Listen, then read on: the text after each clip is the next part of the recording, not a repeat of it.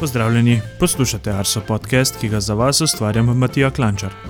Po nekaj daljši pauzi zaradi prazničnega tedna se tokrat v srednji temi pogovarjam kar s tremi gosti. Govora bo o pojavljanju hidrologov in meteorologov v različnih medijih. Naročite se na naš podcast, v stik z nami lahko stopite preko elektronskega naslova podcast.arsoafnago.si ali preko družbenih omrežij. Na Twitterju smo Meteosi, na Facebooku in Instagramu pa nas najdete pod imenom Arso Vreme. Osrednja tema.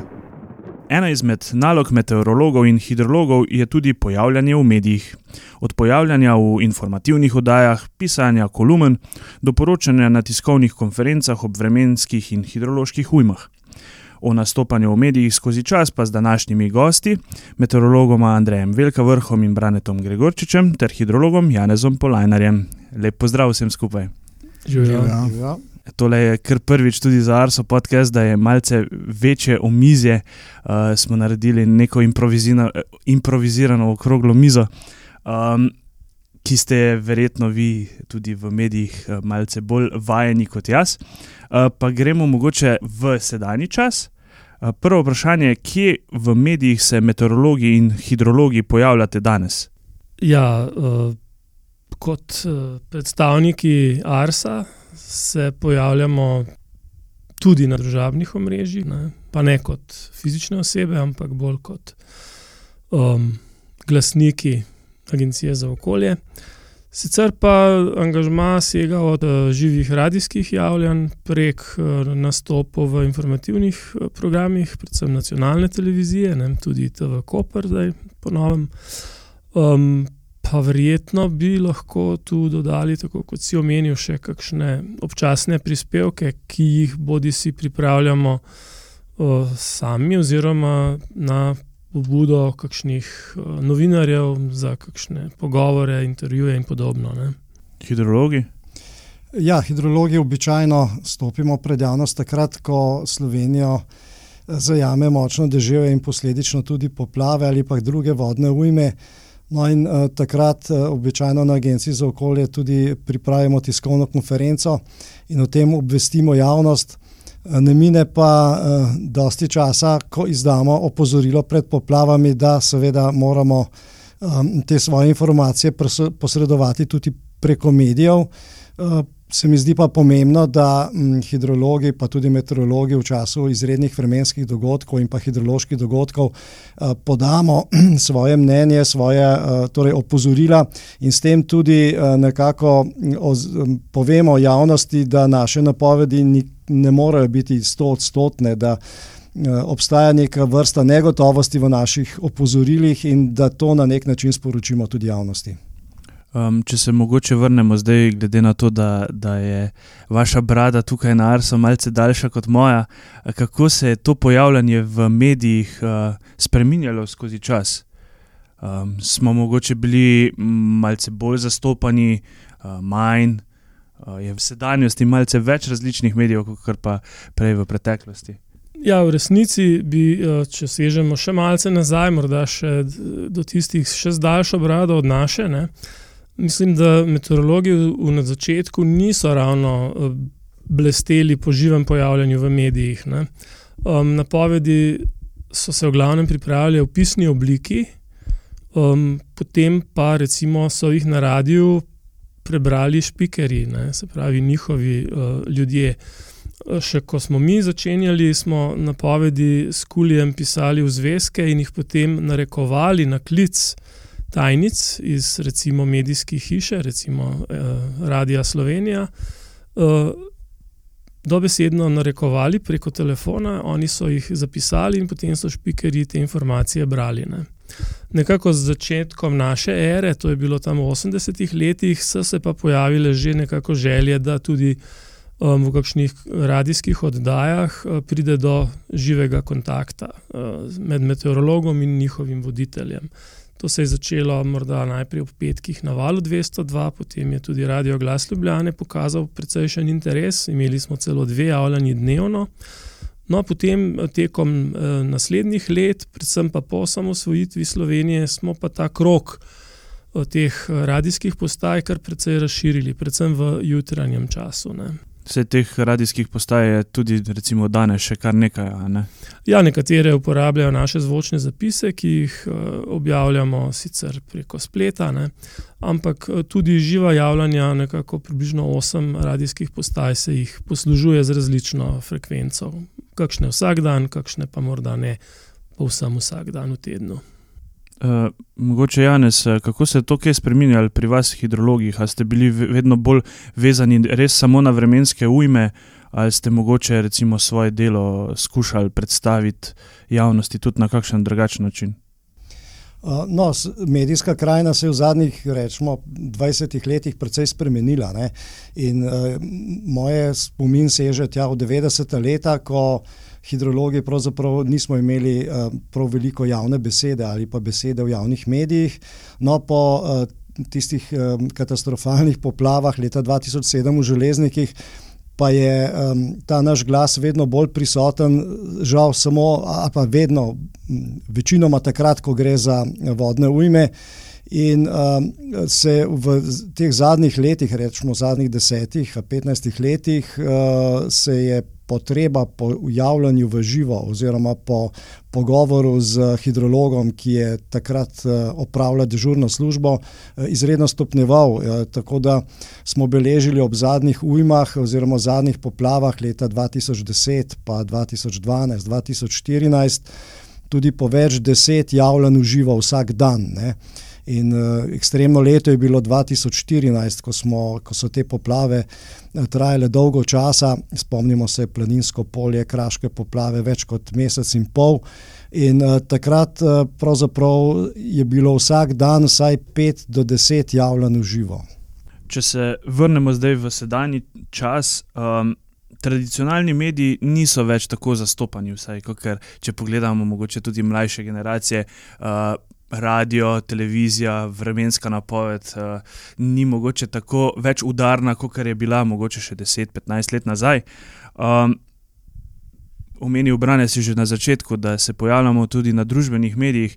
Um, to so neki kanali, ki nam dajo možnost, uh, da smo vidni, da se nas sliši, da se nas bere. Kako se vam zdi to pomembno, da izkoriščamo te kanale, ki so nam na voljo? Ja, to je še ena, dodat, še en, rekel, ena dodatna pot do, do odjemalcev ali pa do poslušalcev ali pa naših uporabnikov. Ne? Eh, sploh, kot si že prej omenil, kar se pač, pa že Janez je prepovedal, da se medijska pokrajina, ta izraz mi je všeč, eh, precej spremenila. Ne? Težišča se v bistvu prenašajo bolj z televizije in radia, verjetno bolj na, na druge vere, ne? tako na splet kot na na te, eh, ta, ta družabna mreža in podobno. Seveda, eh, tudi v preteklosti se je to dogajalo. Recimo, če je bila v začetku vremenska napoved bolj eh, v pisni obliki, ki je v tiskanih medijih, je potem radio pridobival, pa kasneje televizija, zdaj pa pač kaj drugega. Ne? In seveda, skoraj, jaz bi rekel, da smo skoraj prisiljeni v to, da se pojavimo tudi, oziroma da smo se začeli angažirati tudi na, na drugih področjih, ker drugače bi bili manj slišni, manj slišani od drugih. Ne?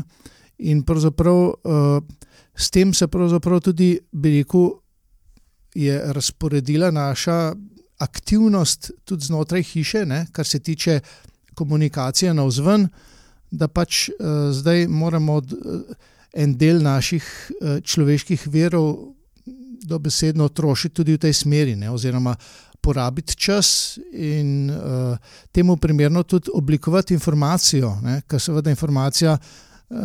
Recimo vem, na Facebooku ali na Twitterju, že, že v teh dveh medijih je bistvena razlika ne, v dolžini, v, v samem konceptu, v primerjavi s televizijo ali pa z radijem, je to precej drugače. Ne. Meni je še vedno najbolj pri srcu radio, ker, ker je v, v radiju Eh, je to najbolj po, rekel, pogovorna oblika ali pa kakšno živo javljanje v televiziji, kot imamo zdaj v jutranjem programu televizije Koper, ker se da, eh, bi rekel, prvič je to bolj neposredno, spontano, marsikaj se da povedati, malo bolj na široko, ker si drug, drugi omejen s časom ali s prostorom. Ne?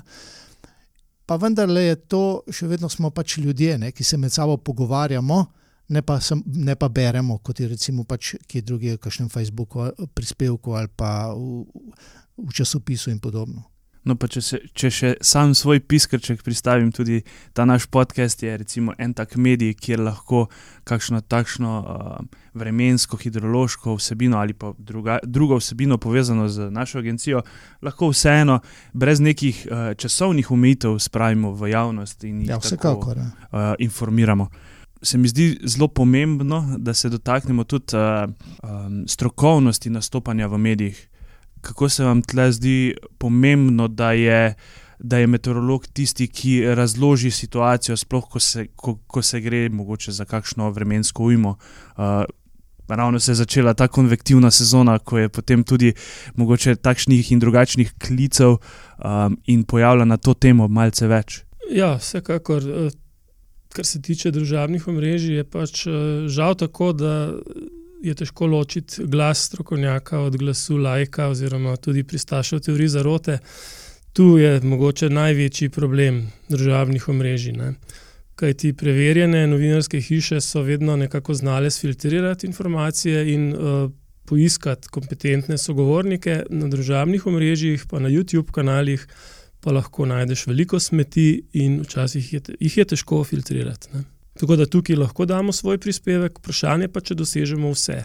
Kaj ti so določeni ljudje bolj dojemljivi tudi za kakšne manj ali pa sploh nepreverjene ali celo uh, namerno zavajajoče informacije. Žal se s tem srečujemo tudi na vremenskem področju, kot tudi drugot. No, ampak jaz bi tukaj dodal, da vendar imam občutek, vsaj za enkrat, ne, da recimo, uh, je vem, naš prispevek v, v medijih še vedno deležen, bi rekel, kar, bi rekel pozornosti. Oziroma, jaz še vedno imam občutek, da nekako odtehtamo ne, nekaj med ljudmi in da je zato tudi pomembno dejansko, da, uh, ko si prej vprašal, da strokovnjak nastopi, oziroma strokovnjak pove, nas, uh, kar ima zapovedati. ne. Mogoče na, na področju voda imate malce lažjo nalogo, ker pač, kot pravijo, na vreme se spoznamo vsi. Uh, kako je pri vodah, uh, je lažje v bistvu pol vaš glas seže v deveto vas? Ja, eh, jaz pravim kolegom, ko smo pred uh, kakšno poplavo in, in moramo oblikovati opozorilo ali pa moramo odgovarjati, uh, oziroma odgovarjamo na medijska vprašanja. Um, in ko smo v zadregi, kako naj oblikujemo um, opozorilo, uh, povem takole: poglejte, uh, verjetno smo edini v državi ta hip, ki relativno največ vemo o razmerah, kar se tiče prihodnosti padavin in pa odtoka rek, in kar se tiče nevarnosti poplavljanja. Tako da bodimo samozavestni in uh, opozorimo na poplave tam, kjer kaže, da bodo. Ne. Ob tem pa seveda ne smemo pozabiti tudi na to, da je treba povedati, da um, vedno seveda ne moramo biti stoprocentno zanesljivi, ali bo poplava na eni reki ali bo poplava na drugi, v drugi dolini. Včasih se to tudi zgodi zaradi pač narave procesa. Ne. In tudi to je treba uh, povedati ljudem. Ne. In to lahko seveda pove strokovnjak, ki je ta čas, uh, bi rekel, uh, seznanjen z vsemi temi detalji. Uh, zakopljimo se zdaj med časopise. Uh, Andrej, če se ne motim, vsak teden objavljaš tudi kolumne. A so te vremenskega značaja večinoma, ali uh, kako je sploh prišlo do tega, da, da so recimo enega meteorologa pa povabili k sodelovanju? No, kako je do tega prišlo, ne vem, ampak pač dobil sem željo, da bi pač izrazil so željo, da bi pač pisal. Ne? In ko sem jih vprašal, kaj, je rekel, da, pravzaprav, da mi niti dajo dokaj proste roke, tako da te kolumne niso vedno ravno samo vremenske, ne? ampak so, so pa vezane mogoče posredno tudi na, ne vem, na kakšne podnebne spremembe, pa na ekologijo, pa na, na te zadeve, večinoma. ne. Uh, no, jaz pač rad pišem, te stvari so mi blizu, nekako mi teče pero ali pa jezik, kakorkoli. Ne?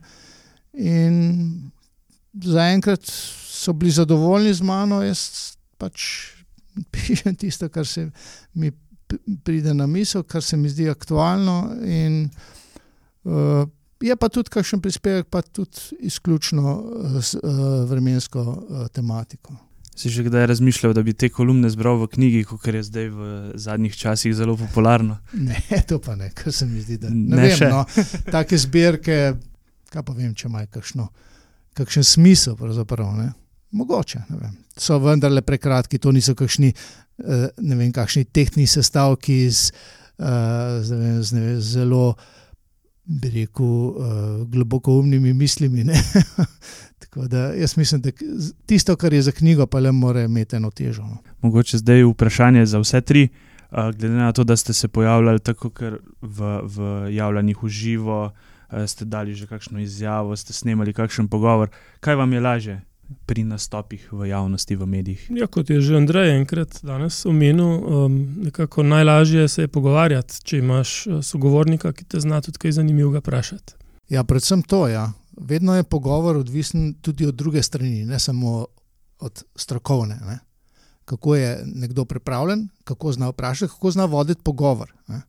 In lahko izpadeš eh, dolgočasen tudi ti, če, če, če pač sogovornik ni. ni Bom rekel, te- tebi nekako ne parira, ali pa ni, ni enakovreden, ne? ne po strokovni plati, ampak po komunikacijski. Po istočnicah. Ne. Ja, recimo. Pa tudi to bi rekel, da ko si vprašal, kaj je lažje. Ne? Zdaj, najlažje je verjetno nekaj posnet, ker pač lahko še enkrat posnameš, če se zmotiš ali kaj podobnega. Ampak po drugi strani ne, je, pa, je pa kriterij eh, drugačen. Ne? Če ti nekaj snemaš, eh, pri- vsi pričakujejo, da bo to brez napake, gladko, eh, rekel, v eni sapi povedano, kakorkoli že. Ne? Če se pa ti pogovarjaš, pa. pa Nobeden mm, ne bo zameril, oziroma tudi ne, ne izgleda čudno, ne, če, če ti narediš kakšen um vmes ali pa uh, popraviš besedo ali pa stavek malo drugače obrneš, uh, kot si najprej mislil, in tako naprej. Ne. Tako da to je pa, po drugi strani je pa to lažje. Ne. Tako da pravzaprav ni čist enoznačno, eno je, pa še odvisno je, kakšen človek si. Nekateri imajo. Uh, nimajo nobene uh, treme, eni imajo malo več treme, uh, če vedo, da so v živo. ne. Tako da- Ja, moja izkušnja je pa ta, da kot praviš, najlažje je odgovarjati eh, novinarju na njegova vprašanja. Tudi ta neverbalni del, uh, govorica telesa, pove veliko in uh, tudi uh, na ta način uh, lahko razvijaš ali pa lažje oblikuješ besede, ko imaš pred sabo živega človeka, ki se odziva na tvoje, na tvoje komentarje. Meni osebno je to dosti lažje, kot pa naprimer uh, javljanje z terena, ko se javlja, kot pravijo, na vklop, to pomeni, da imaš samo kamero pred sabo in potem govoriš v kamero. Tako da lažje je pogovor v živo.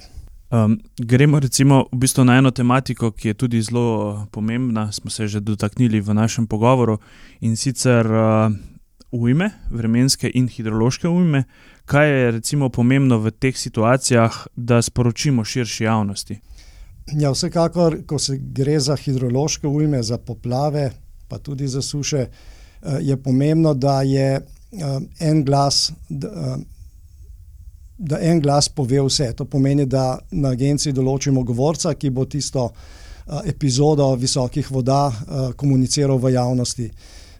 To pomeni, da, se da so informacije enoznačne, da se ne razpršijo in da uh, človek, ki je zadolžen za odnose z javnostmi in podajanje teh opozorilnih informacij, je stalno prisoten in um, pravzaprav lahko razvija uh, tako način komuniciranja, zaostri, če je potrebno, oziroma opozori na stvari, ki, na katere se pač težko vplivamo, in pa seveda, da opozori pravočasno ljudi na, oziroma prebivalstvo na nevarnost. Ja, priprava opozoril je sicer timsko delo, ne, ampak res je pomembno, da potem to, uh, tako kot je kolega Janes rekel, uh, čim bolj enotno skomuniciramo in se tudi med seboj, meteorologi in hidrologi, stalno usklajujemo.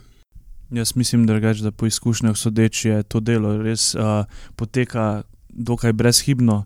Uh, takrat skušamo tudi biti čim bolj aktualni in pa te novice čim prej razširiti med širšo javnost, tista, ki jo seveda to najbolj uh, zanima in potrebujejo te informacije.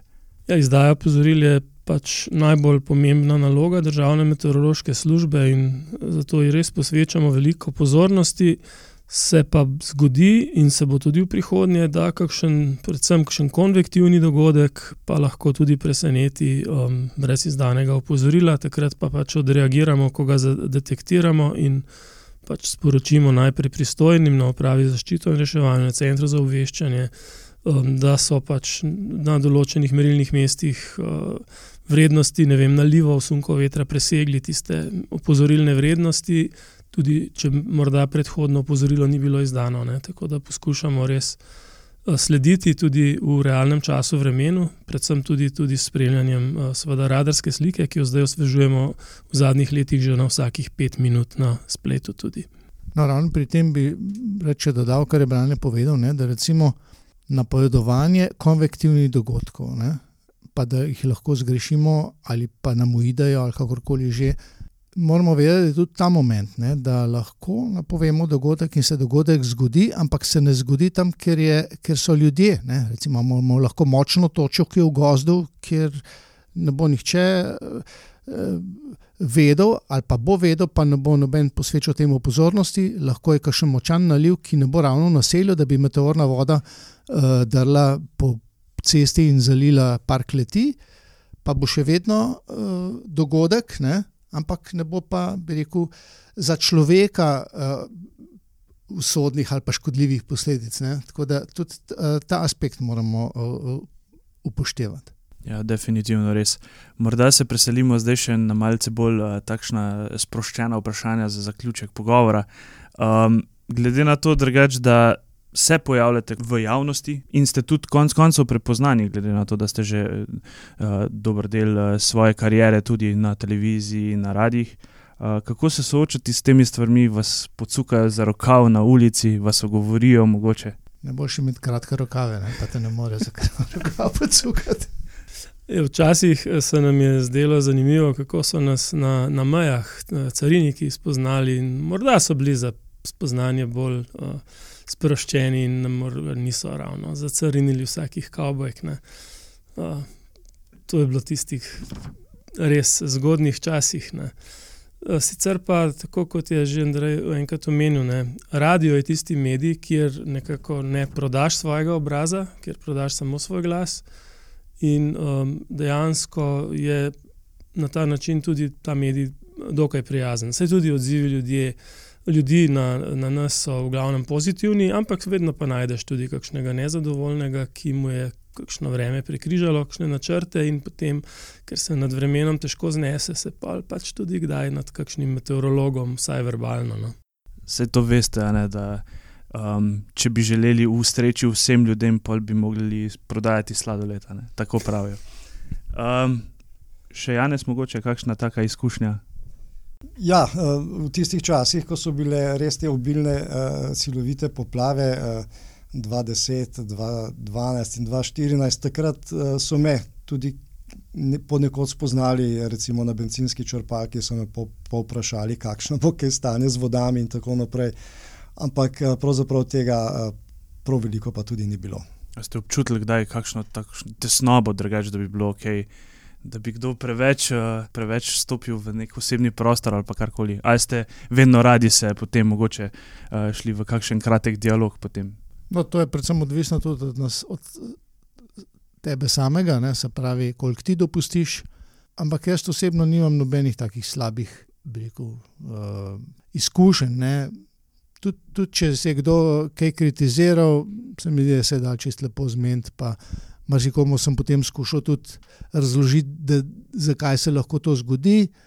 Pa tudi, ne vem, prav kakšne silne usiljivosti, mislim, da ni, da ni bilo. No. Morda zdaj le še misel se mi je prikradla. Uh, vsi se spomnimo, žal pokojnega kolega Andreja Pečenka, ki je veljal v javnosti, da kadarkoli si ga vem, videl na tržnici v Ljubljani, da je rad stopil do ljudi se pogovarjal o vremenu. Tako da ja, ta, ta duh še vedno živi, verjetno. Um, morda še za, zadnje vprašanje, oziroma je kdo pripravil kakšno anegdoto, ki se mu je zgodila v medijih, bi želel uh, morda jo deliti tudi z našimi poslušalci. No, jaz imam eno tako. Sicer ni že kar stara, ampak vendarle. Ne, ne, na, ko smo še snemali, pač se, se še vedno snema vreme na te, TV Slovenija. Ne, se mi je pač nekoč zgodilo, da sem enostavno pozabil, da, imam, da moram imeti na televizijo. Pripravil sem tekst, ga poslal in šel lepo domov. Ne. No, ampak v vsakem primeru, takrat sem se vozil domov in se potem naknadno proti večeru peljal nazaj v Ljubljano, v studio. Ampak takrat sem enostavno pozabil, sem šel k sestri s kolesom, par kilometrov stran, malo pogledati. In pa je moja žena čez nekaj časa pridrvi za mano. Andrej, klicalstvo ste z televizije, kje si? Oje, in to je bilo dobro, tako da bi me s puščico v srce zadev, res tako grozen občutek, ne? kaj naj zdaj naredim, je bila. Da, in ni bilo drugega, hitro sem šel domov, se preoblekel, se usedel v avto. In kaj, šel sem tja, ni bilo drugega, kot da, da so me dali v živo. In to je bil edini živi nastop pred dnevnikom, oziroma v dnevniku. Takrat mislim, da smo samo eno oddajo pred dnevnikom še imeli. Uh, in takrat sem v živo nastopil, prvič in edinič uh, za vremensko napoved pred televizijskim dnevnikom. Ne. Še kakšna druga? Uh, bi se pa še spomnil na našega uh, predhodnika, kolega uh, Trontla. On je rad povedal eno tako, da so ga pač spraševali, koliko snega pričakuje, da bo zapadlo. Ne. In on je rekel, ah, snega bo samo za vzorec. Potem je pa drugi dan dobil sporočilo, vaš vzorec nam sega že do kolen. Potem pa mislim, da lahko s to mislijo zaključimo naš pogovor. Uh, jaz se vam res lepo zahvaljujem za, za tole okroglo mizo. Uh, upam, drugač, da bomo tudi sodelovali v prihodnje še v kakšni drugačni tematiki. Vsekakor. Hvala za vabilo. Hvala, Matija. Hvala. Obeti. Kakšno vreme se bo nadaljevalo vse tja do ledenih mož, vam bo predstavil Brane Gregorčič. Mesec maj se je marsikje začel s krajevnimi nevihtami. Pogostost leteh je pri nas v topli polovici leta itak med največjimi v Evropi. Po dokaj sončni sredini tega tedna z le nekaj plohami in nevihtami se nam ob koncu tedna, predvsem v petek in soboto, obeta vpliv ciklonskega območja iz nadsredozemlja. Tako bosta omenjena dneva precej oblačna in občasno tudi deževna, temperature pa bodo ostale pod 20 stopinjami. Že v nedeljo se bo verjetnost padavin zmanjšala, a vse do sredine prihodnega tedna bo ozračje nad nami še razmeroma labilno. To pomeni, da bodo dopolednevi kar precej sončni, popoldne pa bodo tu in tam vendarle možne posamezne plohe ali nevihte.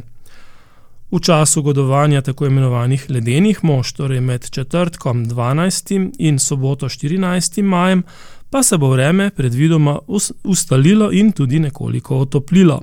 Popodanske temperature bodo, kot kaže, dosegle okoli 25 stopinj. Vremenske zanimivosti. Za konec si oglejmo še vremenske zanimivosti meseca aprila. Najvišjo temperaturo smo izmerili na postaji Osilnica. 14. aprila je termometer pokazal 26,3 stopinje Celzija. Najnižja temperatura in najvišji sunek vetra sta bila izmerjena na naši najvišji postaji Kredarica. Termometer je pokazal minus 14,4 stopinje Celzija 3. aprila, anemometer pa 138 km/h 24. aprila. Mesec april je bil bolj moker od svojega predhodnika. Na Voglu smo 9. aprila izmerili 65 mm padavin. Posledično je bil mesec april manj sončen od marca, v Porto Rožu smo skupaj nabrali za dobrih 250 ur sonca. Najbolj sončen dan pa je bil 28. april na postaji Šebrelski vrh, ko je sonce sijalo 13 ur in 6 minut. Tudi 80. epizodo Arso podcasta smo tako uspešno pripeljali do konca. Hvala vam za vse odzive, kritike in poslušanja. Želim vam obilo lepega vremena in se slišimo čez 14 dni.